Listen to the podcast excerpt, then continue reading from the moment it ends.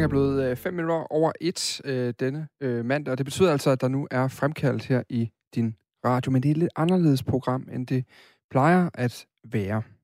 Fordi i dag skal det handle om blandt andet de danske landsholdsspillere. De er jo den dag i dag fitterede udlandsprofessionelle gennem professionaliserede, gennem professionaliserede topatleter, kan man sige, der lever for og ikke mindst også rigtig godt af deres sport. Men som bekendt har verden ikke altid set sådan ud. Da farfar var dreng, der var fodbold et ædelt spil, uden penge og kommersielle interesser, i hvert fald gennemsyrende kommersielle interesser. Dysterne de blev udkæmpet med idealerne højt på strå og med amatører på banen. Klubfodbold det foregik som en bibeskæftigelse, og landsholdet ja, det var kun for de, der ikke tjente til dagen og vejen på fodboldbanen. I anledning af ikke bare Superligaens opstart i denne uge, men også 50-året for den allerførste landskamp med professionelle spillere i rødt og hvidt, der tegner fremkaldt i dag et portræt ikke af et menneske, men af fodbolden i Danmark. Fra amatørisme til professionalisme fra 1800-tallet øh, og helt op til samtiden. Rigtig hjertelig velkommen til Fremkaldt. Mit navn er Dan Grønbæk, og jeg passer i dag værtsstolen fra Claus Elgaard. Rigtig hjertelig velkommen til. Jeg kan også sige rigtig hjertelig velkommen til dig, Svend Rybner. Tak skal du have. Du er fodboldhistoriker med mere, kan man sige. Jeg har blandt andet skrevet øh, øh, en del artikler, men også en, en bog om særligt spansk historie og, og, og fodbold. Igennem den øh, næste time, så øh, kommer jeg og lytterne i den grad til at drage nytte af din øh, massive fodboldviden, og ikke mindst historiske fodboldviden. Men inden der, der synes jeg måske faktisk lige, at vi øh, bare i øh, sådan det personlige portræt øh, øh, øje med, burde få sat dit eget forhold til fodbold på plads. Hvor meget, øh, hvor meget fodbold egentlig fyldt og, og betydet for dig i, i dit liv? Ja, altså det har været et, et, et frirum fra jeg blev født. Med, med, jeg er født i 1960, og, og det siger jeg, fordi at, at de hold, man holder med, og de, de kampe, der har gjort indtryk, jo meget ofte er knyttet til, hvor gammel man, man var på et vist tidspunkt. Mit første VM var VM i 1970, for eksempel, hvor Brasilien vandt. Og jeg græder stadigvæk over, at jeg ikke fik lov at se finalen, fordi det var for sent. Øh, og det har jeg så prøvet at, at komme efter øh, lige siden, kan man sige. Jeg spiller øh, stadigvæk i, øh, jeg spiller U61 i Boldklubben Victoria og i Fældeparken i København, når, når verden tillader det. Øh, og så er det også blevet en del af, af det, jeg laver til hverdag. Oprindeligt er jeg øh, uddannet historiker med, med speciale i den spanske borgerkrig, og øh, har skrevet og, og forsket i det. Øh, og så førte det så senere øh, til, at jeg har skrevet en bog om øh, spansk fodbold, øh, som i virkeligheden lige så meget er en, en, øh, en fortælling om øh, det moderne Spaniens historie set gennem fodbolden. Og det er sådan set noget af det, der optager mig. Øh, hvordan verden, øh, hvordan fodbolden afspejler verden omkring os. Øhm, det har så også ført til, at øh, jeg øh, er leder af en, øh, en fodboldfilmfestival, der hedder Shoot, som vi afvikler hvert år i København. Og vi har også øh, udvidet med en afdeling i Aarhus, øh, men det har vi desværre måttet aflyse to gange i år øh, af de kendte grunde, som alle ved. Øh, og så har jeg øh, det, der så førte til så sige, interessen for fodboldhistorie som sådan, det var, at øh, under, jeg er også uddannet fodboldtræner, jeg har været ungdomstræner i Boldklubben Skjold i København i mange år. Øh, og der, når man er på uddannelse der, så er man så indkvarteret øh, flere hverdage i træk på et vandrehjem. I vores tilfælde var der Køge Vandrehjem. Og der sker ikke alverden øh, på Køge Vandrehjem sådan en, en torsdag aften. Så jeg har taget nogle DVD'er med med gamle øh, fodboldkampe. Fordi jeg var interesseret i, øh, hvordan spillede Puskas, den gamle ungarske landsholdsspiller. Ikke bare de mål, han lavede, men hvordan var spillet i 50'erne? Og hvordan udviklede det sig. Og det førte så til, at jeg blev inviteret ind i DBU's øh, uddannelsesafdeling og begyndte at holde foredrag øh, om, om fodboldtaktikkens udvikling. Øh, med, hvor jeg viste nogle klip med, med, med spillere i alt for lange shorts. Øh, og ideen med det var, at at øh, hver taktisk problem, øh, eller hver taktisk udvikling, øh, i virkeligheden har været svaret på en, en, en udfordring, man stod med. Altså, hvordan, hvordan dækker de, bedste, de dårligste hold op mod de bedste angriber? Øh, hver søndag så stod den, den, de dårligste holds højre baks over ved de bedste holds øh, venstre vings i Italien. Øh, og, og den der venstre ving blev ved med at drible forbi. Og så hvad gør man så? Jamen så sætter man en libero, altså en fri spiller ned bagved for at bakke op osv. Og sådan udvikler spillet sig hele vejen. Og ideen med at holde de her foredrag var jo så, at, at øh, ude blandt i klubberne og hos trænerne sige, at sådan gjorde de. Øh, og vi er alle sammen et led i en kæde. Nu er det jeres tur, hvad vil I gøre? Det, og det, det er jo tydeligt, at der er mange ting, vi kommer til at gribe ned i den kommende time, øh, håber jeg på, som også, øh, som også taler ind i lige præcis nogle af dine interesseområder. Men vi, Vi gør jo det her egentlig, Svend Ryber, har øh, rykket lidt ved konceptet for det her format egentlig, for at fejre hvad vi tolker som en, en stor milepæl i dansk fodbold, altså det her 50 år for udlandsprofferne på, på landsholdet. Særligt en, en bestemt kamp den, den 12. maj 1971 i uh, Oporto i, uh, i, i Portugal. Øhm, men skal vi ikke bare... Altså, vi kommer tilbage til kampen og selve begivenheden senere i programmet, så synes vi, vi gemme den lange snak til, men, men sådan kort, altså, hvor stor en milepæl er det i, i dansk fodboldhistorie? Ja, det er jo en, også en overset milepæl, øh, fordi det er jo et, et radikalt brud med, med det, de amatøridealer, som har, har, har holdt dansk fodbold i sit jerngreb fra, fra begyndelsen, øh, da spillet kom til Danmark i, i øh, midten af 1800-tallet, og så op til, til øh, i de næste godt 100 år, op til 1971, hvor det var, de, altså, det var, du kunne få penge for at, at danse ballet eller spille trompet, men du måtte ikke få penge for at spille fodbold. Og det skyldes jo, at, at spillet kom relativt tidligt øh, til Danmark. Øh, vi tabte krigen i 1864 til Preussen. Og der, øh, fra det øjeblik, så flyttede den danske elite sit kulturelle blik fra sydover mod Tyskland over mod Storbritannien og England. Og det faldt sammen med, at det moderne, moderne fodbold fik sine faste regler i 1863 og, og spillet bredte sig ud over verden. Øh, og Danmark var et af de første lande, i, i, i, ikke bare i Europa, men også i verden, der tog spillet til sig. Og vi overtog spillet på et tidspunkt, hvor det var den engelske overklasse, som havde tid til at råd til at, at, at holde fri og have en fritidsinteresse som sport. Så i begyndelsen var, var sport en, en øh, overklasse øh, idræt. Og de havde også råd til ikke at få penge for det. Og de idealer overtog øh, dansk fodbold meget tidligt, og, og de, de slog altså rod.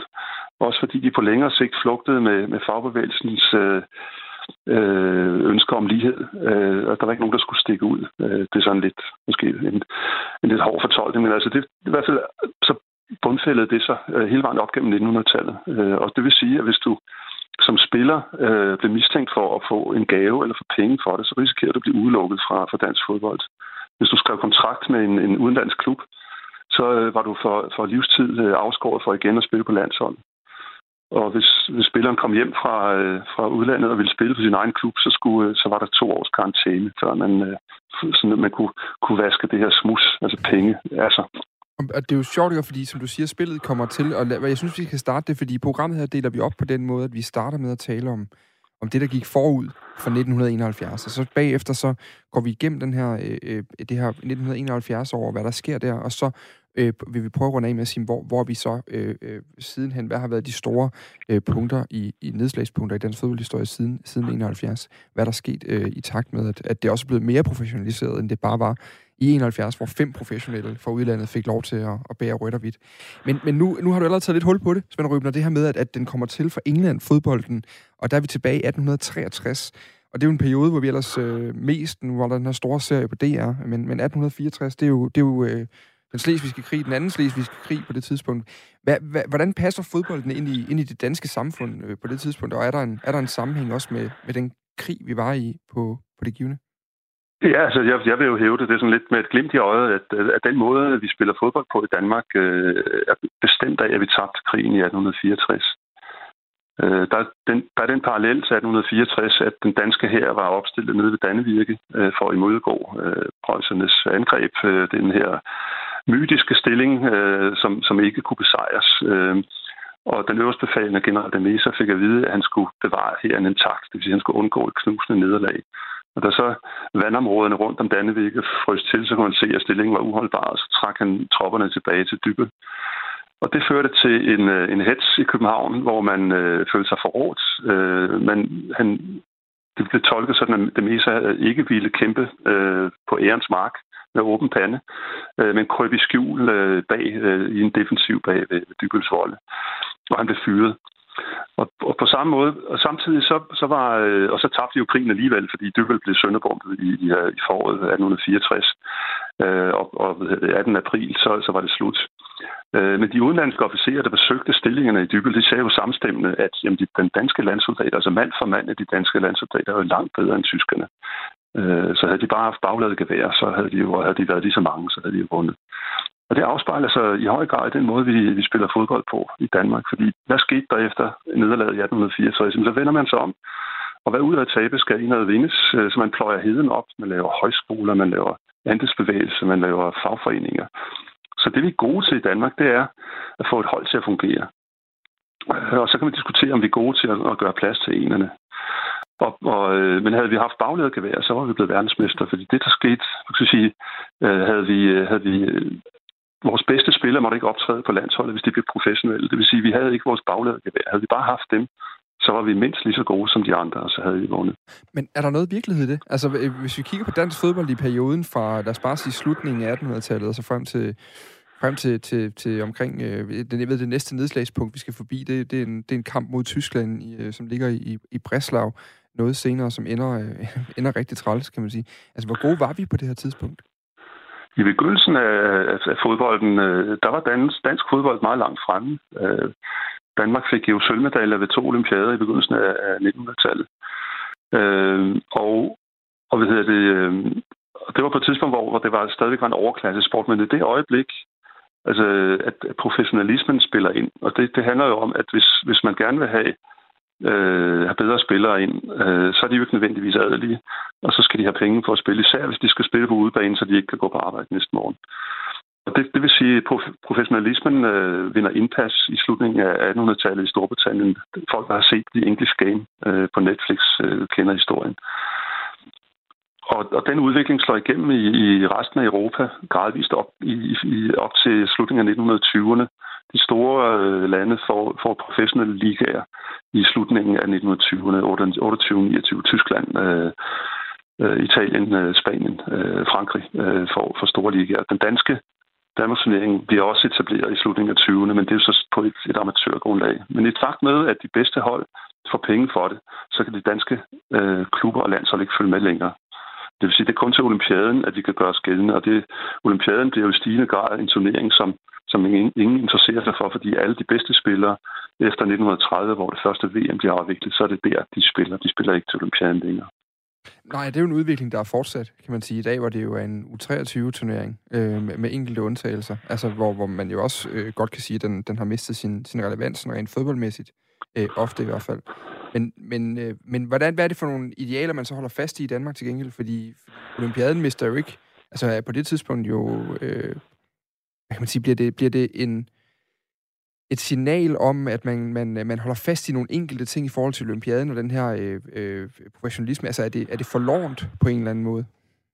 Ja, det er det jo på den måde. Altså, men det bliver udlagt sådan, at, det, at, at, at sport i det hele taget, det er ikke kun fodbold, men sport er en, en ædel kappestrid mellem lige mænd øh, hvor man ikke vil nedlade sig til at, at tage penge for det. Der er nogle undtagelser, cykling og boksning mm. øh, får relativt hurtigt øh, penge. Øh, men generelt er det, er det en, en følelse af, at, eller bliver det udlagt sådan, at, at det, det her, det gør vi for sjov. Øh, og der har sådan en uddannende virkning, altså at man, man uddanner sunde kroppe, øh, i, øh, hvad der, sunde sjæle i, i sunde lamer. Samtidig er der jo et, et, øh, et misforhold mellem, at, at øh, ledelsen i DBU for eksempel jo meget gerne vil indkassere entréindtægterne for de store kampe. Og det bliver jo en, en faktor, øh, hvor, hvor altså, der kommer rigtig mange og ser de her kampe, men spillerne får ikke øh, løn for det. det DBU indkasserer øh, indtægterne. Så kommer vi hen til, til et nedslagspunkt, du, øh, du også fortalte mig om tidligere. Øh, vi skal hen til, øh, til den 16. maj 1937. Der taber et, øh, et dansk landshold med 8-0 til et, øh, til et tysk landshold. Og det er et nederlag, som du siger på mange måder afspejler, øh, afspejler nogle bestemte ting i, i dansk fodbold. Hvad er det, det, hvad er det, vi kan læse ud af det nederlag, når vi ser tilbage på det igennem de historiske briller? Ja, altså, den, det er jo øh, i maj øh, 1937, det er et par uger efter, at den tyske kontolegion har bombet Gernika under den spanske borgerkrig. Der, der er det danske landshold inviteret til Breslau, som i dag hedder Wroclaw. Det er en polsk by i dag, men på, i 1937 var, var lå byen i det, i det østlige Tyskland. Og, og der er landskamp, øh, og det er øh, Tysklands ligger sårene efter fiaskoen ved, ved deres øh, Hitlers olympiade i, i Berlin 1936, hvor de taber til Norge 2-0. Men altså, man, man er begyndt at lægge det bag sig amatør derinde bag sig i Tyskland, men man har samlet et hold, som har ligget i træningslejr. Det danske landshold stiller op øh, med... Øh, københavnske spillere. Øh, det var, København var meget dominerende på det her tidspunkt, øh, og, og, også meget nedladende over for provinsen, så, så det var københavnske spillere. Øh, og de tager toget fra København og færgen til Berlin, eller ud til færgen til Tyskland, og så, så i Berlin skifter man så tog og kører østover, der er på 100 km fra Berlin til Breslau. Og undervejs så skifter temperaturerne fra de ret kolde forårstemperaturer, man havde i, i København og Berlin, og bliver omkring 30 grader, da de når Breslau. Og det har man så sidenhen brugt som øh, undskyldning for, at vi tabte, fordi det var alt for varmt at spille. Øh, men, men sandheden er jo, at det danske land, som der går på banen, har, øh, har ikke trænet om vinteren. De har spillet på kampe i forårssæsonen, men vintertræningen i de københavnske fodboldklubber bestod i, at man øh, en eller to gange om ugen løb to øh, runder i fældeparken. Det, det er et par kilometer. Og man løb kun en omgang, hvis træneren vendte ryggen til.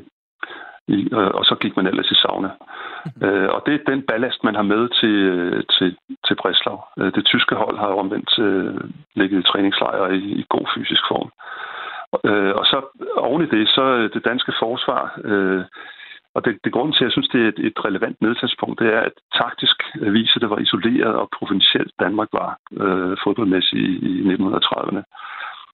I 1926 der indfører man i England et nyt øh, offside-system, som gør det gør det sværere at trække angriberne offside, det er, fordi der bliver ikke scoret mål nok i England. Øh, så man, man, man, skal der kun være to spillere øh, for, øh, mod baglinjen for, at man stadig er onside. Før var det tre. Det vil sige, det var meget lettere at, at, at, at trække folk offside. Og det gør så også, at antallet af mål øh, øges i den engelske liga. Og den her udvikling, den, den slår igennem i, i det meste af Europa øh, bare ikke i Danmark. Øh, men det man så gør forsvarsmæssigt, det er, at man, øh, hvis man skal dæmme op for, at det er blevet lettere at, at score mål, så må man jo også prøve at gardere sig taktisk øh, i forsvaret. Så fra man oprindeligt spillede med to forsvar, et tobakssystem foran målmanden, øh, og så tre øh, halfbacks eller halvbakker, så mm. trækker man den, den mellemste af de tre halvbakker ned mellem de to fuldbakker, eller helbakker, om du vil. Øh, og det bliver så trebakssystemet. Øh, og det så har du så øh, to spillere op på midtbanen, og så omvendt op i angrebet. Det, det tegner, hvis man kigger på det på et, et, et øh, stykke papir, så ligner det sådan et W. Øh, og det, det matcher et, et, et, et M op i den anden ende, fordi man spiller mand-mand, altså mandsopdækning. Så, så venstre halfback dækker venstre ving og så videre. Og sådan, sådan, øh, så, så det hele passer sammen. Så det kalder man typisk for VM-systemet, eller trebaksystemet. I 1936 der er AB den første klub i, i Danmark, der er begyndt at eksperimentere med at indføre trebaksystemet. altså 10 år efter, at det blev indført i, øh, i, i Storbritannien og, og ude i Europa. Der er forskellige andre varianter af spillet. Det er ikke alle, der spiller trebaksystemet, men det er sådan et det fremherskende system ude i Europa. Og, øh, og 10 år efter, der er man først begyndt at, at, at prøve at indføre det i dansk fodbold. Men det er kun i AB, ikke i KB og B93, øh, som udgør øh, de andre dele af den defensive øh, danske opstilling. Og det vil sige, at de sejler rundt, så der er intet, der er afstemt. De har jo ikke trænet noget, og de har heller ikke aftalt noget. Og det medvirker kraftigt til, at Danmark taber 8-0.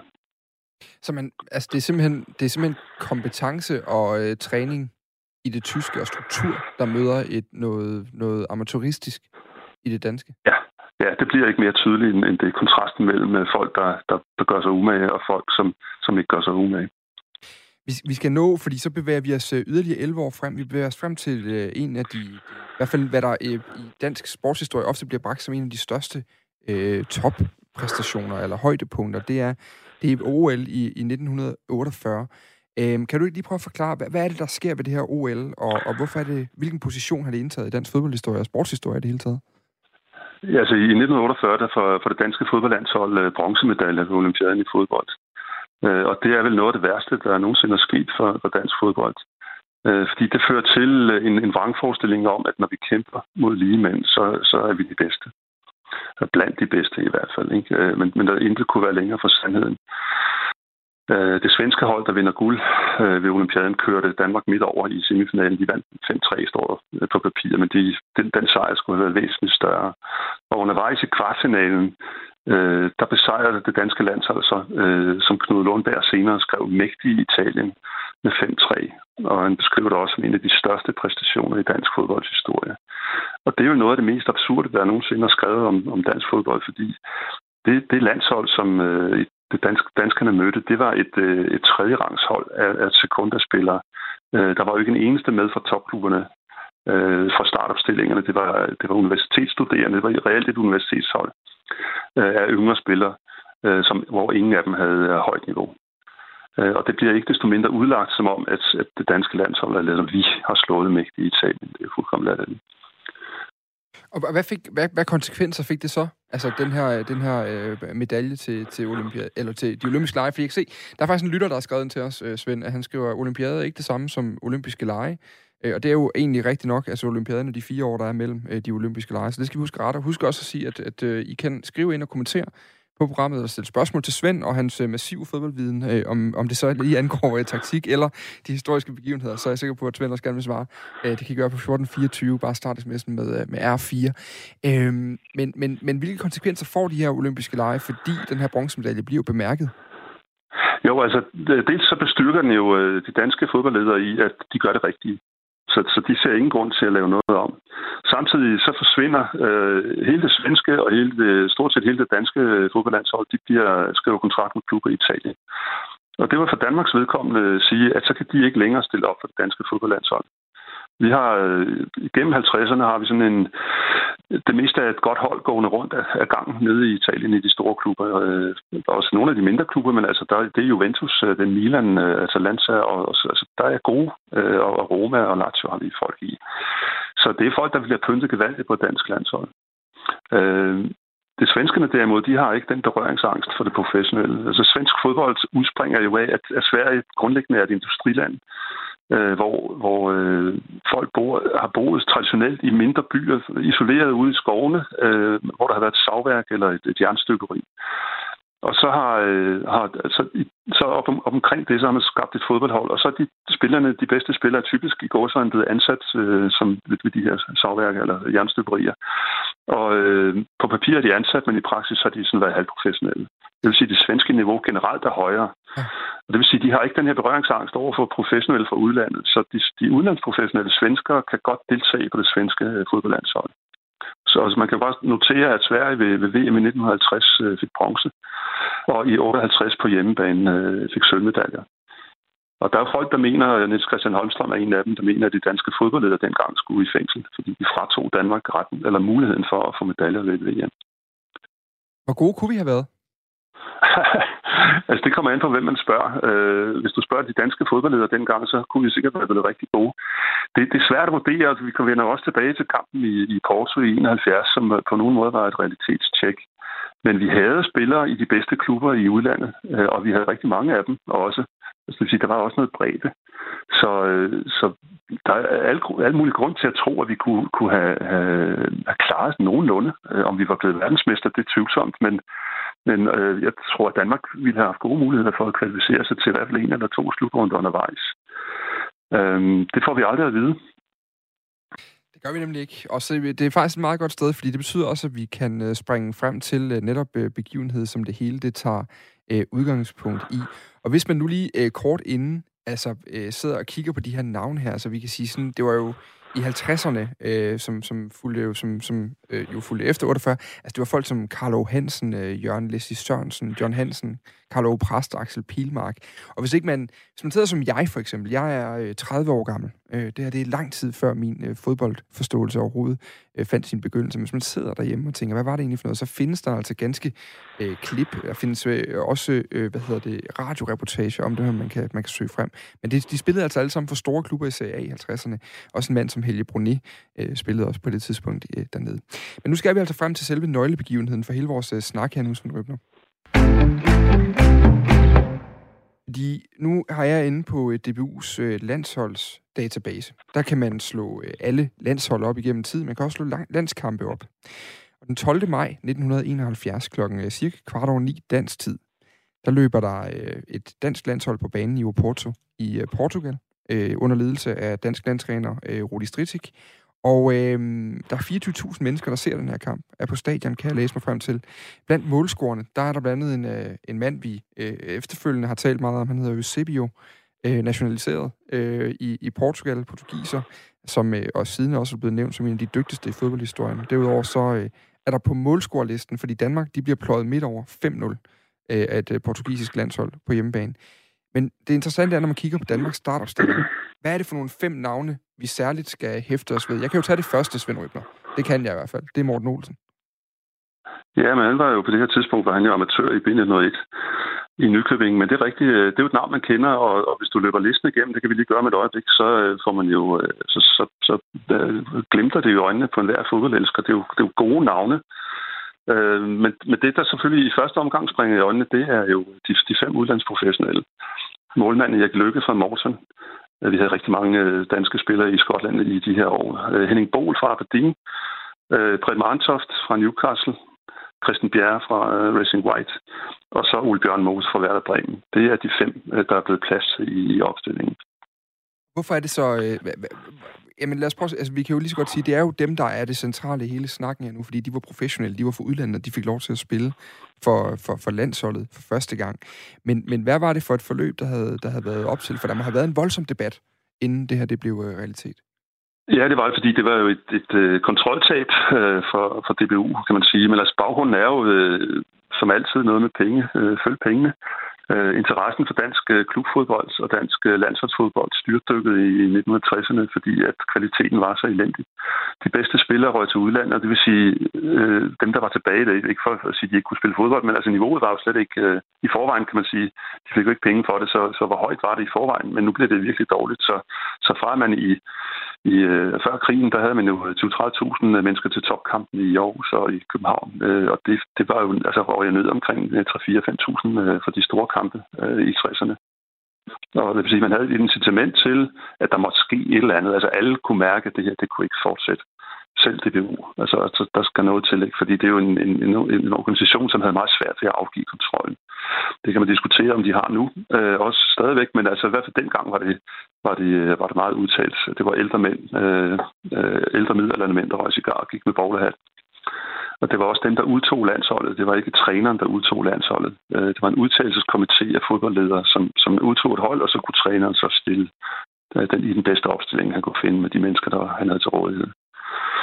Så, så det, at man afgiver, øh, altså tager professionelt ind, det er det første, øh, den første indrømmelse til virkeligheden. Og når du siger indrømmelse til virkeligheden, så kan man jo godt sidde og tænke, altså når man kigger på dagens fodboldverden, som er ikke bare kommercialiseret, men også øh, hyperkommercialiseret, kan man sige.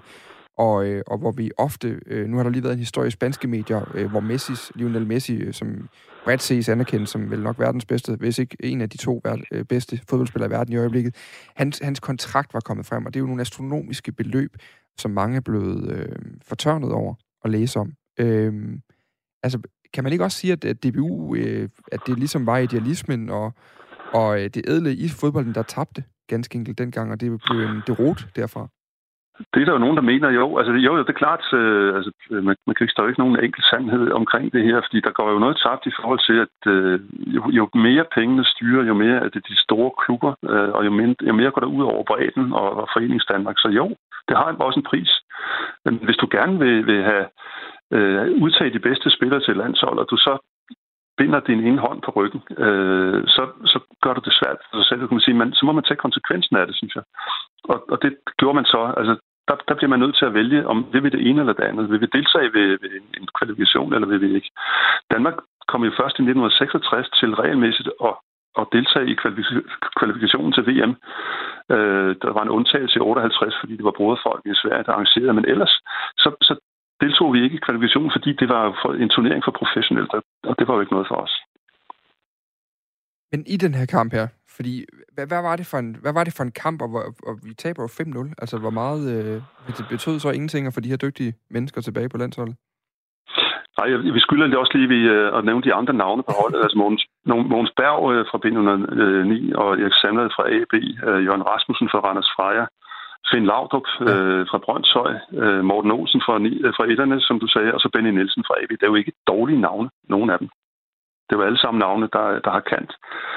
Øh, og, og hvad hedder det, det, der så skete, da man udtog de fem, det var, at de, på det her tidspunkt var det jo ikke indskrevet i, øh, i, i, i de professionelle kontrakter, at de skulle have lov til at få fri, når der kom hjem og spille landskamp. Så man, man tog, udtog de spillere, der kunne, Øh, og nogle gange så kom de ikke alligevel, fordi der var problemer hjemme i klubben, hvis de skulle spille en kamp samme aften eller et eller andet. Mm.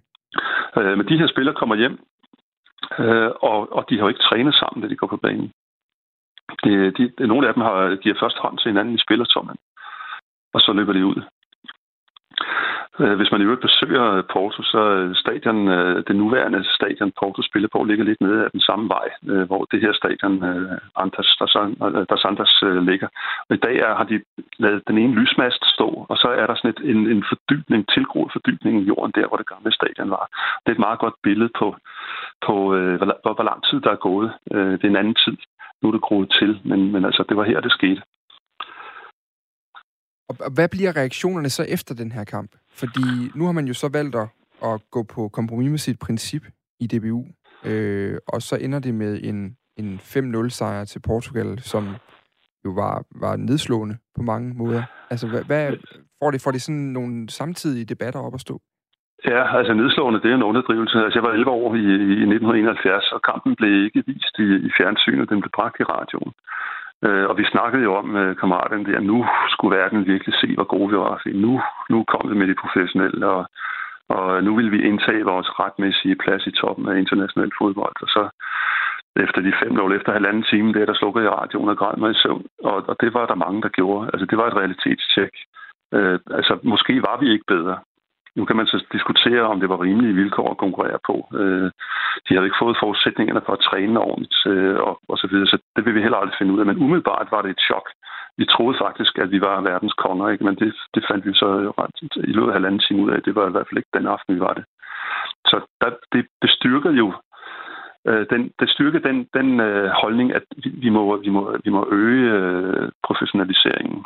Og ret hurtigt øh, kommer der flere, så ophæver man øh, begrænsningen med de kun de fem. Altså øh, i løbet af de næste par år, øh, så er der flere professionelle, der, der kan blive udtaget. De kan så ikke altid få fri. Øh, men i hvert fald så, så, så giver man slip på, på den begrænsning. Og så kommer der i, i dansk fodbold generelt et pres øh, i 1964, hvor Danmark jo med i den glemte øh, EM-slutrunde i Spanien, øh, fordi vi har øh, i sådan knockout-system har kvalificeret os ved at slå Malta, Luxembourg og Albanien. Øh, så der er Danmark med og bliver på papir nummer 4, men vi har jo ikke noget at gøre øh, ved sådan en, en turnering. Øh, men, og der render Harald Nielsen jo samtidig rundt nede i Italien øh, og, og bliver italiensk mester. Han afgør finalen, øh, mesterskabsfinalen mod Inter på det olympiske stadion i Rom. Og han ville jo have pyntet gevaldigt på landsholdet. Men da han så kommer hjem fra, fra Italien, så går han sammen med Helge Sander, som senere øh, blev, blev minister og, og var borgmester i, og borgmester i Herning. Og de to lægger så nogle planer for. Dels så laver man noget, der hedder Dansk øh, hvad hedder det, Professionelt øh, Fodboldforbund i 1973. Så det gør sådan grunden for et pres på, at de, man prøver at lægge pres på de danske fodboldledere ved at indføre mm. professionelt fodbold. Og i 78, 7, nej, 6, 7, 78, der er man så kommet så langt, at man kan lancere en, en piratliga, øh, og, og hvor, hvor man truer med at opbygge en, en liga udenom DBU, som så vil skrive kontrakt med de bedste spillere, og dermed reelt sætte DBU ud med spillet. Og det får så slået den sidste ki, øh, pind i ligekisten øh, på amatørismen, så godkender øh, DBU øh, det, repræsentantskabet og, og bestyrelsen ret hurtigt, at, at man kan man kan indføre øh, betalt fodbold i Danmark, og det sker så fra, fra foråret 1978. Og, og, og det, det, altså, det er jo, og vi, vi starter faktisk en fortælling om, om eftertiden efter den her 71-periode. Den starter vi faktisk øh, der i midten af 70'erne, i slutningen af 70'erne, for der kommer også en, en mand til, til dansk fodbold, der hedder Piontek, øh, som også ændrer noget omkring landsholdet, vi skal ind på lige om lidt. Der er kommet et spørgsmål, altså jeg taler som sagt med Svend Rybner, der er, der er fodboldhistoriker, og hvis, øh, hvis fodboldviden øh, har meget, meget få grænser, i hvert fald når det kommer til det danske. Øh, og Svend, vi har fået et spørgsmål her øh, fra, øh, fra Claus, øh, som er fra Rødovre, han skriver, jeg har hørt, at kvindefodbold var meget stort i England under den første verdenskrig. Det var jo fordi, vi før talte om, øh, om, om øh, hvad kan man sige, før 2. verdenskrig-perioden og dansk fodbold i den kontekst. Ved du noget om det? Han skriver nemlig, at det er korrekt. Altså, hvad er der noget om det? Ja, det er rigtigt. Øh, øh, jeg er jo leder af fodboldfilmfestivalen Shoot. Der viste vi faktisk en film om, som hedder When Football Banned Women. Og den tager udgangspunkt i, at da, da Første Verdenskrig bryder ud i 1914, så ryger alle mændene til fronten. Og så øh, er det kvinderne, der skal passe øh, hjemmefronten, altså passe børn, lave mad osv. De skal også øh, køre krigsproduktionen. Og på de fabrikker, som, øh, som der var en, omkring 500-600 ammunitionsfabrikker rundt omkring, eller som lavede sådan var omstillet øh, til krigsproduktion, der lavede man øh, nogle øh, fodboldhold for, for de øh, kvinder, der arbejdede på fabrikkerne, som en form for ventil. Og de begyndte at spille øh, kampe, og, og de, de kampe blev mere og mere søgt. Øh, og, og det var sådan i, i løbet af, af Første Verdenskrig, at de, de største hold samlede tilskuer øh, øh på omkring 50.000. Da så mændene kommer hjem fra krigen øh, og genindtager deres pladser på fabrikkerne og i deres øh, fodboldklubber, så bliver kvindekampene ved med at trække øh, mange tilskuere.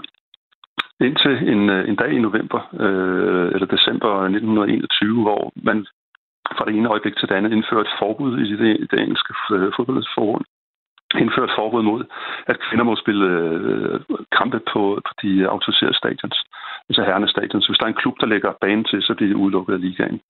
Og så øh, handler den film, vi viste, den handler om, øh, hvordan kan det være? Og det er der ikke noget entydigt svar på, øh, fordi selvfølgelig en af tingene, det, det handler om, at, at, øh, at de mandlige klubber vil selv vil, vil inkassere pengene, og der er i høj grad et spørgsmål om kønsroller også, øh, at kvinder er udbygget til at spille fodbold. Det var grund til, at man forbød kvindefodbold i Tyskland, det var, at kvinders øh, fysik ikke kunne klare det. Øh, men i England, der falder forbuddet også sammen med en øh, minearbejderstrække i øh, efteråret 1921, øh, hvor der bliver samlet penge ind til de strækkende ved nogle af de her kampe. Og det bliver i hvert fald så brugt som... Øh, det bliver ikke udtrykt direkte, men, men det, der er en god grund til at antage, at det kan være en af grundene til, at man forbød kvinder at spille fodbold. Og så indførte man det forbud, som bare ved helt indtil 1971. Altså i 50 år måtte kvinder ikke spille officielt kampe på stadion. Ganske en fantastisk øh, lille øh, sidehistorie. Bliv endelig ved med at sende øh, sms'er ind til os, hvis I har spørgsmål. Uh, det kunne jo være, der kom lige så gode ting ud af den næste også. Øh, det var Claus fra Rødovre, der havde spurgt om, om kvindefodbold, øh, om det kunne passe, at kvindefodbold var meget stort i England under den første verdenskrig. Det kan altså sagtens passe, Claus. SMS-nummer hedder 1424, du skal starte den med R4, hvis du vil, øh, vil, vil komme med øh, noget, vi skal kigge på her i øh, vores øh, lille fodboldfortælling, vi har gang i den her time. For dagens fremkaldt er ikke et øh, portræt af en person, i hvert fald ikke øh, 100%. Det er et portræt af dansk fodbold øh, ud fra øh, det 50 år, vi kan fejre i år, fra den første gang, hvor øh, professionelle udlands øh, fodboldspillere øh, fik lov til at, at repræsentere Danmark i en landskamp. Det var altså som sagt i 5-0-kampen, 5-0 nederlaget i Oporto øh, mod Portugal i 1971, den 12. maj, øh, hvor, øh, hvor der var øh, fem mand med fra, fra, fra udlandet. Øh, nu er vi i gang med at snakke om de øh, repræsalier, kan man sige, i hvert fald de øh, konsekvenser, det fik, at man åbnede op for de her ting, blandt andet. Og vi var lige lidt kort ind omkring Helge Sander, den tidligere minister, og, øh, og, øh, og relativt driftige mand. På det tidspunkt han i midten af 20'erne, slutningen af 20'erne her, i midten af 70'erne, så han i faktisk i 78 for presset øh, DBU til at, at indføre, eller i hvert fald give mulighed for kontraktfodbold øh, i Danmark. Øh, vi skal lige vende en anden mand også, Svend Rybner, fodboldhistoriker. Fordi vi er nødt til at tale om en mand ved navn øh, Josef Emanuel Hubertus Piontek, som øh, i øh, januar 1979 bliver øh, tilbudt jobbet som cheftræner for det danske landshold. Hvilken øh, rolle spiller han i øh, professionaliseringen af dansk fodbold? Jamen, han er jo den rigtige mand på det rigtige tidspunkt. Øh, han, man kan dårligt undervurdere hans betydning. Jeg vil bare lige, øh, lige slå en krølle på, på, på 71 og forbud mod at spille kvindefodbold, fordi det bliver, forbuddet bliver så øh, afblæst i 1971, samme år, som vi snakker kampen i, i, i Porto. Øh, og, og det er også de år, hvor, hvor det danske kvindelandshold bliver verdensmester i, øh, først i 70 til Mexico, hvor de vinder 3-0 over Mexico på det samme stadion, hvor Brasilien blevet verdensmester året før og Susanne den scorer uh, hat 15 år gammel. Ikke? Ja. Uh, så det udtrykker også, at der er et opbrud uh, i, i, fra, fra, fra 60'erne, altså ungdomsoprøret. Der er sådan nogle bølgeskud, ligesom der, der er opbrud i Danmark, de gamle magtstrukturer krakelerer. Og da Piontek kommer til, det er jo så i, i skulle sige, i, da, da dæmningen, værdigebrud, der skete, der er begyndt at komme penge i dansk fodbold. Øh, så indgår øh, DBU en kontrakt med først med Hummel og så med, med Carlsberg, en sponsorkontrakt, og de penge gør det muligt at ansætte en professionel træner. Altså de, de træner, vi har haft indtil hidtil, har, har, har fået penge for det, men de har ikke været fuldtidsansat. Altså Kurt Nielsen, øh, der var den sidste øh, træner lige før Pjontik, han var jo også øh, kridtet baner op med i, øh, i, i Nykøbing øh, på, på B1901-baner. Så, så, og han var den eneste landstræner i Europa, der ikke fik billet til 1978 for, til, for at overvære VM i Argentina. Han var pænt blive hjemme. Men med Pjontik, så kommer der andre boller på sådan. Og han, han kommer jo til Danmark og er jo målløs over for det første til, til sin første kamp, at det ikke er træneren, der udtager landsholdet. Han kigger jo målløs, øh, hvad, hvad sker der? Øh, og det finder han så i en kamp, og så bliver det afskaffet. Og så indfører han jo øh, øh, en målrettet strategi for, hvordan... Øh, altså, der pludselig bliver der, bliver der lagt en strategi for, hvordan holdet skal spille, og der bliver man træner faktisk også.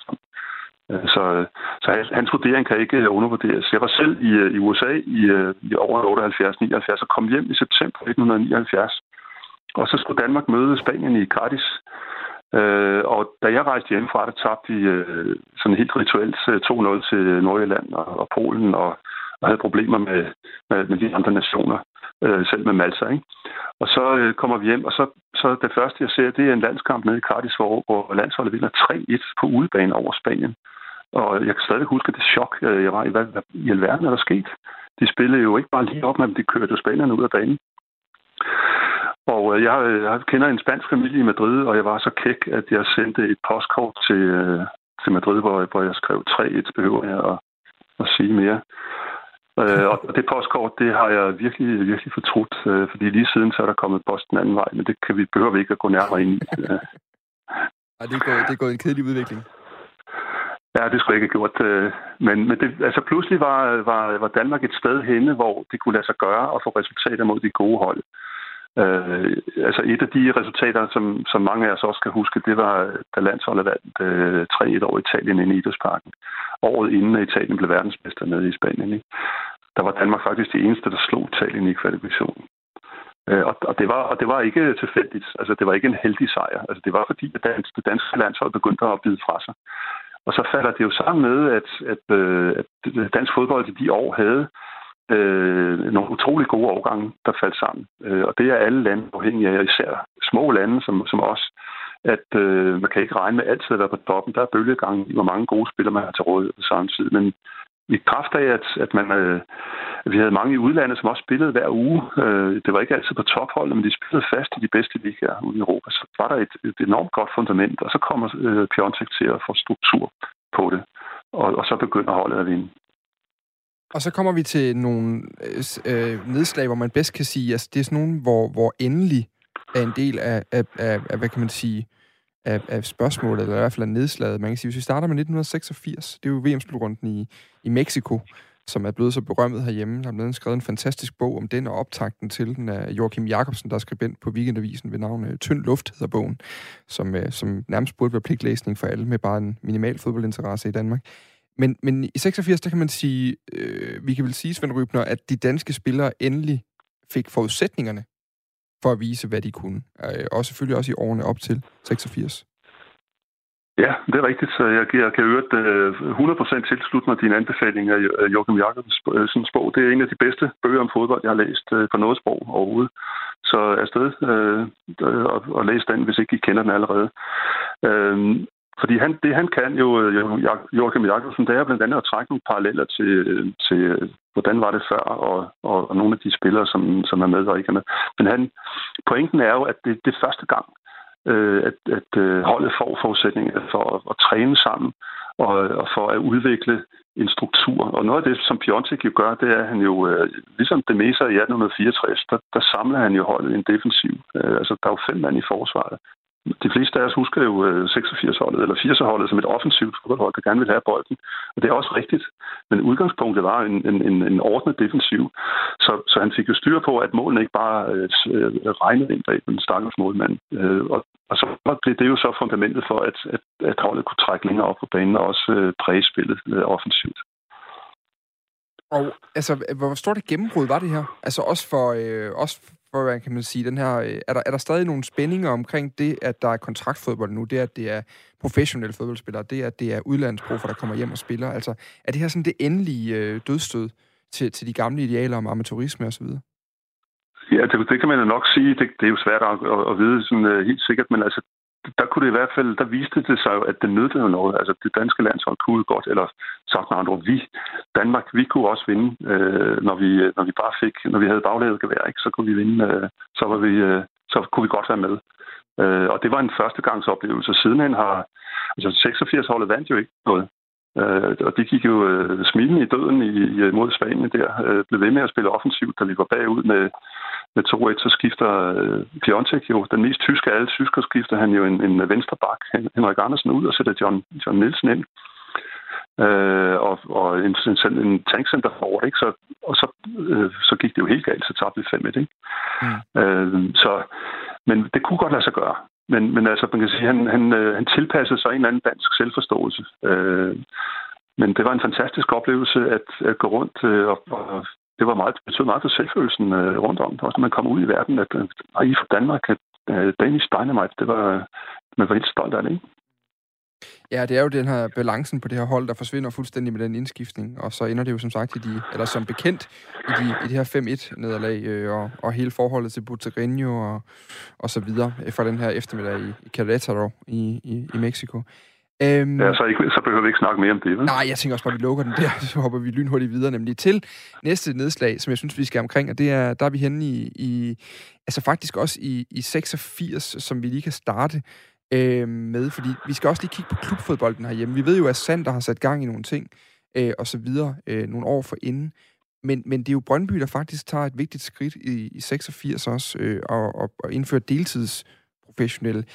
Den danske klubfodbold, altså hvordan udvikler den sig i de her år? Nej, altså det, det Brøndby gør, er det, det modsatte. De indfører helt professionelt. Helt professionelt, øh, fordi, Øh, Øh, den, den betalte fodbold i 78, øh, da den kom, og nogle af de første spillere, der skriver kontrakt, det er John Stampe fra AGF. Øh, og han skriver en kontrakt, som på det derværende tidspunkt gav ham 1300 kroner om måneden. Og det svarer nogenlunde til 5.000 kroner i vores dages penge. Øh, så det kan du ikke leve ret godt af. Vel? Du er nødt til at have et job ved siden af. Så der var nogle, øh, hvad hedder det, nogle øh, klausuler om arbejdsfrihed eller, erstatning for tabt arbejdsfortjeneste osv. Men det, som Brøndby så gør i i, øh, i midten af 80'erne, det er, at de, de går skridtet videre, og som den første danske klub øh, gør det muligt for alle deres spillere at leve af at spille fodbold. Og det har jo lagt et fundament. Altså man, uanset hvad man mener om Brøndby, så, så kan man ikke frakende dem en stor andel i, at dansk øh, fodbold generelt har løftet sig. Øh, klubholdet begyndte jo altså også, de kom jo i, øh, under Morten Olsen, som træner, kom de jo 91 meget, meget, meget tæt på at komme i finalen i UEFA-koppen. Og det var jo uhørt øh, bare nogle få år før, at det dansk klubhold skulle klare sig så godt. Hvor havde man vendt sig lidt til, at landsholdet begyndte at spille godt, så, så det begyndte sådan at, at smitte af. Jeg tror, det har smittet af på hinanden. Og, og den stamme, som, som blev skabt i Brøndby, det var jo i virkeligheden dem, der senere blev mester i 92. Og så bringer vi os så videre til 92, jo, fordi det er jo der, det bliver, øh, hvor nogen vil sige, at det er der, det for alvor bliver sjovt, jo, men, men jo samtidig også med en vis bismag. Altså, øh, det er jo her, Richard Møller øh, Nielsen, øh, tager et dansk landshold og fører det til, øh, øh, øh hvad kan man sige, øh, em eller Europamesterskabet jo. Og det, det er jo svært at sætte så mange ord på selve EM-triumfen osv. Den er bredt øh, fortalt og beskrevet øh, i, i diverse medier, men, men hvilken betydning havde det for dansk fodbold? Jamen, altså man kan sige, at, at Richard Møller, altså det er jo øh, ligesom øh, Dalgas, der pløjede viden op. Det er jo det mulige kunst. Øh, han, han, han havde jo, hvad han havde af, af spillermateriale. Der var jo man kan sige, det er jo, det er jo påfaldende, at den, den bedste spiller i, øh, i nyere dansk fodbold, Michael Laudrup, var ikke med på holdet. Øh, det blev overmester aktiv Champions League samme år øh, med Barcelona. Han var ikke med på holdet. Så, så Richard Møller, og, øh, altså hans, hans udgangspunkt var jo defensiven, øh, ligesom det Mesa i 1864. Øh, og, og bølger af foragt er jo regnet ned over manden, øh, fordi at han ikke spillede offensivt. Øh, men de vandt jo i modsætning til 80'er-holdet, som, som aldrig vandt noget, så vandt de jo faktisk øh, EM i, i 92. Det er jo påfaldende, at, at man kan sige, der er den der modsætning. Så, så Richard Møller er jo han er respekteret, men han er ikke elsket, ligesom øh, Pjontik er elsket, men, men og også respekteret, men altså, øh, han, han opnåede jo strengt taget ikke nogen, Øh, han vandt ingen pokaler med, med det danske landshold. Og, øh, og skal sige, men det fundament, der blev lagt i, i 92, eller det bygger jo videre på en udvikling, som har været op gennem 70'erne og 80'erne. Øh, og, og skulle sige, nu er vi vant til i dansk fodbold at tænke på, at jamen, det kan godt lade sig gøre. Altså, vi har spillerne, vi har forudsætningerne for at skabe et hold. Øh, så, så hvis, hvis det spiller, og vi har de rigtige øh, generationer osv., så, så, så er det ikke nyt for os længere, at vi godt kan være med. Hvordan havde du det med de her ting? Fordi det er jo en vedblivende diskussion i dansk fodbold. Det er, om man er mest til 86-holdet, som er blevet berømmet og hyldet og, og alskens. Og så er der stadig den her, øh, det her lidt underlige blik på 92 øh, som det jo faktisk var. Jeg vil sige, jeg er romantiker, øh, så, så jeg vil helst øh, gå i døden med et smil øh, og, og, og spille offensiv fodbold. Så, så jeg er helt klart til 86-holdet personligt. Men jeg synes, at Richard Møller har fået en meget hård medfart i, i pressen. Han havde en, øh, til synligheden også en kendt person. Øh, det skal jeg ikke, jeg kendte ham ikke personligt, men, men øh, man kan jo ikke man kan ikke øh, andet end at respektere, at, at, øh, at han førte os til, til den, den første og største titel, øh, som dansk fodbold har vundet. Og det er en anden ting, vi faktisk lige skal huske at have med her nu, fordi lige med kommer vi til at bevæge os op til den helt nye øh, fodboldverden her nu, og samtidshistorien, øh, øh, Svend Rybner, men, men der, er jo, der er jo den her klaphat også, som jo på en eller anden måde også bliver både øh, et, øh, et symbol og, og, og et, et ikon. Den indføres jo sådan rigtig ved, ved 86 slutrunden, hvor de danske fans tager den med til, til Mexico og gør den, eller de danske roligans er det jo på det tidspunkt, tager den med til Mexico og gør den til allemands eje. Hvad, hvad er det med den her, øh, den her, den her klaphat, og hvilken, hvilken position får den? Ja, altså det er jo en, en øh, skal vi sige, også et levn fra, fra 1864, at vi, vi vil ikke rigtig vedstå os, øh, hvem vi er. Vi prøver at, når holdet vinder, så prøver man at hylde det ind i sådan lidt bøvet øh, Øh, bajerhygge, og så klapper man lidt, lidt med hatten. Øh, altså man kan sige, at klaphatten kommer jo også frem, og, og de danske roligans, som jo øh, erklæret, at de vil slås med nogen. Det er jo også på baggrund af en meget uhyggelig udvikling, der har været i international fodbold med huliganisme. Og, og i 85 var der jo det her øh, frygtelige øh, ved at det, øh, på, på Heiselstadion, hvor der var 39 mennesker, der blev, blev slået ihjel op til, til Europacup-finalen. Øh, så man kan sige, der var også en, der var også en, en bevidst reaktion mod, mod det her meget aggressive med øh, fodboldtællinger. Men dybest set, den der klaphat, øh, og det er også noget, Joachim Jacobsen er inde på i sin bog, Øh, han mener også, det er en, en, en vederstyggelighed, at, at det er for hyggeligt efter min smag. Øh, vi kan godt, øh, synes jeg, skyde brystet frem, og så må vi tage de tæsk, der følger, hvis vi ikke vinder. Men, men men den der klaphat, der er vi ligesom sikre, altså ligegyldigt hvad, så øh, synes folk bare, at vi er hyggelige. Øh, og derfor er jeg ikke nogen stor tilhænger af klaphatten. Men, men det, det er jo skægt, ikke? At, man, at den på en eller anden måde får en så central position, og alligevel så skal der være holdninger til den. Altså, at, man, at den bliver et, et ikon på noget bestemt i dansk fodbold. Ja, altså, det er jo min udlægning af det. Der, ja. Hvis du spørger folk, der har købt en klap, der er glad for den, så vil de måske sige noget andet. Det er klart, det er klart.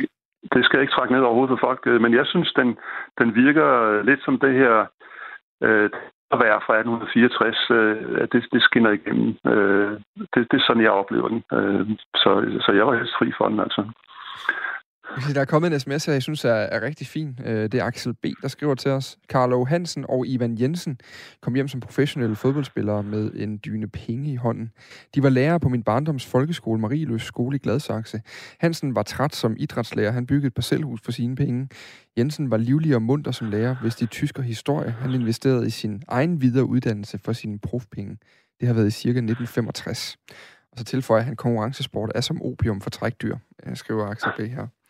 Øh, en meget sjov Ja, men der var, der var jo, da de kom hjem fra Italien, det, det afspejler jo også for, at, at pengene er blevet meget, meget større end dengang, hvor, hvor de spillede. Det var sådan klassisk, når en dansk professionel kom hjem, så var der penge til at købe et øldepot, ikke? og så kunne man leve af det. Men, men der var ikke penge nok til, at man kunne, kunne leve ubekymret uden at arbejde resten af sit liv. I dag... Og det, det har jo ændret sig ja. øh, væsentligt.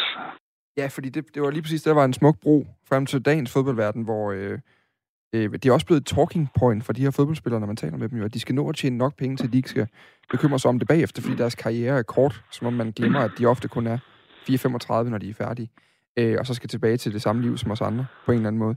Altså, hvor er fodboldverdenen nu, nu, nu vi har været inde på det her med, at fodboldverdenen bevæger sig i takt med det samfund, og at den godt kan, øh, og, og det tror jeg, det er der, vi to deler perspektiv på fodbolden, altså at den er et prisme for mange af de ting og udviklinger og perspektiver, eller øh, øh, hvad kan man sige, bevægelser, vi ser i samfundet generelt. Øh, hvor ser du fodbolden bevæge sig hen i de her år, Svend Rybner? Altså, det, øh, det har altid været sådan, at dem, der havde flest penge, de havde det bedste fodboldhold, og, og den udvikling kan jeg ikke se noget, der vil ændre ved. Øh, du, du nævnte selv Messis øh, kontrakt, øh, var det 4 milliarder kroner, han, han øh, sådan samlet ville tjene over fire ja. år. Øh, og det er jo en chat. Øh, og, og med de, øh, de kommersielle interesser, der er i fodbold, altså med tv-rettigheder øh, og med, og, og med, med spil, øh, de her store spilfirmaer, øh, spillefirmaer, øh, der er jo kæmpe interesser i at holde maskinen kørende, og det vil sige, det er afkast. Øh, så længe det er stort nok, så vil det også være penge. Så er, skal sige, så er lønningerne inden for fodbold det mindste af det. Øh, de penge er hurtigt tjent ind. Altså, man snakkede om, da Beckham skiftede til Real Madrid for en lille milliard. Altså, det var tjent ind inden for en uge ikke? Øh, i salg af t-shirts og andre rettigheder. Øh, så, og det lyder meget mange penge. Dybest set, øh, når man tænker på, hvad der ellers bliver brugt af penge ude i verden, så er fodbolden ikke, ikke en af de største industrier heller. Øh, men fodboldøkonomer siger, at med den kommercialisering, vi ser, det, det, vi har kun set begyndelsen af det. Mm. Er der, er der, øhm, kunne vi godt tåle at genopleve, nu har vi kun 30 sekunder tilbage, godt og vel, men kunne vi godt tåle at genopleve nogle af de her idealer fra, fra øh, før 71-tidens danske fodbold? Jamen, det sker hver uge over på fælden, og U61 Victoria spiller. Øh, og, og, og der, der drikker vi også en bar efter kampen. Øh, det vil aldrig forsvinde. Øh, det er jo alt efter, hvad har man selv lyst til. Øh, vil man, vil man nøjes med at se fodbold i fjernsynet, eller vil man ud på stadion? Der er masser af små stadions, øh, små kampe, små klubber, hvor, hvor den, den oprindelige stemning lever, og det vil, den aldrig, det vil, det vil altid ske. Øh, det vil altid være der. På den måde så sluttede vi alligevel på et uh, high point, kan man sige. Tusind tak for uh, samtalen, Svend Rybner. Selv tak. Altså fodboldhistoriker, der her medvirker til at fortælle os om 50-året for 1971-kampen der, og de danske